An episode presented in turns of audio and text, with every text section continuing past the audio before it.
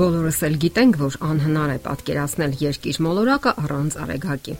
Առանց արևի լույսի երկիրը պարզապես սարցե անկյանք տիեզերական մարմնի կվերածվեր։ Մեր մոլորակի վրա ամեն կենթանություն, մարդը, կենթանին, բույսերը ապրում են արևի լույսի շնորհիվ։ Արևը էներգիայի pašար է, լույսի, ջերմության ու շարժման աղբյուր։ Դեռևս հին եգիպտացիները գիտեին նրա ճառագայթների ապակինող ուժի մասին։ Ուժ, որն ընդունակ է կյանքի կոչել մարմինն ու միտքը։ Ասենք որ արևի լույսը հսկայական խթանող ազդեցություն ունի մարդու զարգացման եւ նրա վարքագծի վրա։ Նկատվել է, որ ամպոտ մառախլապատ եղանակը մարդկանց մեջ առաջացնում է բացասական հույզեր եւ մռայլ տրամադրություն։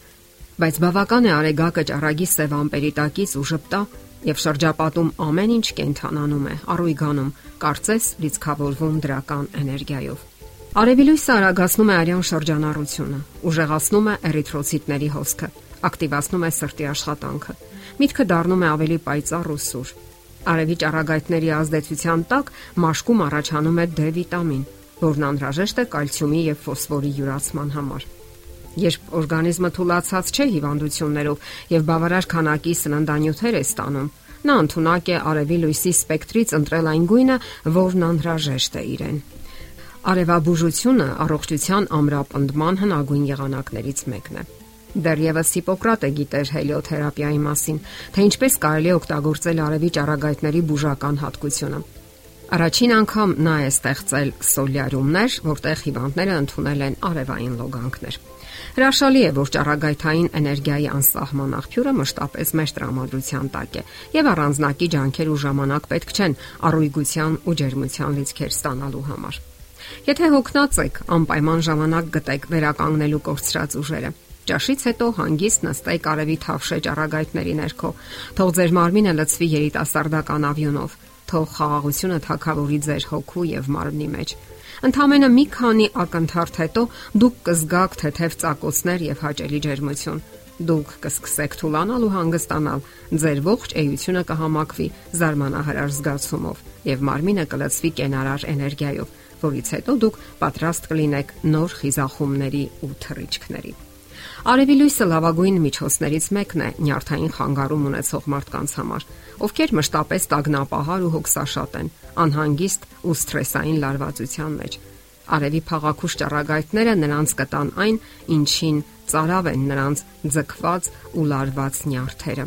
հանգստություն։ Երբ մարդու մերկ մարմինը արևի տակ է, միլիոնավոր փոքրիկ նյարդային վերջավորություններ կլանում են ճառագայթներ եւ սնում նյարդային համակարգը։ Արեգակի ուլտրամանուշակագույն ճառագայթները շատացնում են արյան սպիտակ գնդիկները, լայկոցիտները, որոնք պատասխանատու են օրգանիզմի իմունիտետի համար, պայքարելու ամենատարբեր վարակների դեմ եւ առողջացնելու օրգանիզմը բնական ճանապարհով։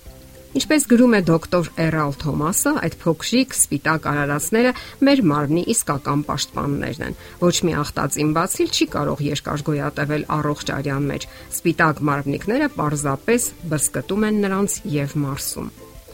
Արևայրուքը լավ է ստանալ էկոլոգիապես մաքուր վայրում։ Ցանկալի է չոր կլիմայի պայմաններում։ Օդը չպետք է աղտոտված լինի փոշով ու ծխով Տարվա ցուրտ եղանակին նպատակային է արևայրուք ստանալ օրվա կեսին, երբ արեգակը առավել ջերմ է։ Տարվա տակ եղանակին ավելի լավ է արևայրվել վաղ առավոտից մինչև ժամը 11-ը եւ ճաշից ժամը 3-ից հետո։ Իսկ եթե դուք ճիշտ կենսակերպ եք վարում, ապա կարող եք արևայրվել եւ զբաղվել ֆիզկուլտուրայով տարվա ցանկացած եղանակին։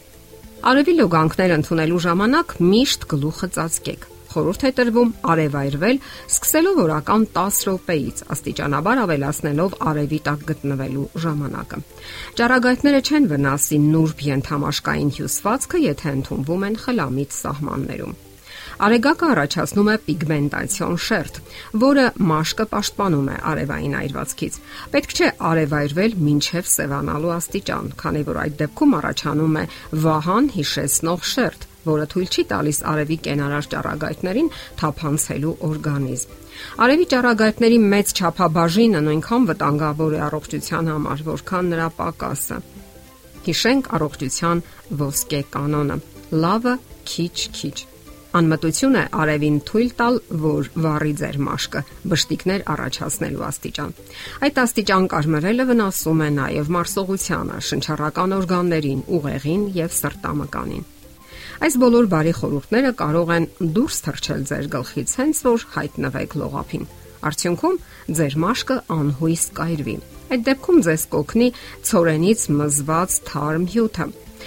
Կարող եք այն դնել այրված տեղերին եւ անմիջապես թեթևություն կզգաք։ Իսկ սառը թրջոցները կմեղմացնեն ցավը։ Գիշերվա ընթացքում անհրաժեշտ է այն փոխել 1-ից 2 անգամ։ Օրվա ընթացքում այրված հատվածը կարող եք բաց վիճակում թողնել եւ աշխատեք գտնվել ստվերում։ Այնքան ժամանակ, քանի դեռ ցավ եք զգում, պետք է խուսափեք արևից, չնայած որ արևը էներգիայի պաշար է, լույսի, ջերմության ու շարժման աղբյուր։ Եթերում առողջ ապրելակերպ հաղորդաշարն է։ Ձեզ հետ է Գեղեցիկ Մարտիրոսյանը։ Հարցերի եւ առաջարկությունների դեպքում զանգահարեք 094 08 2093 հեռախոսահամարով։ Հետևեք մեզ hopmedia.am հասցեով։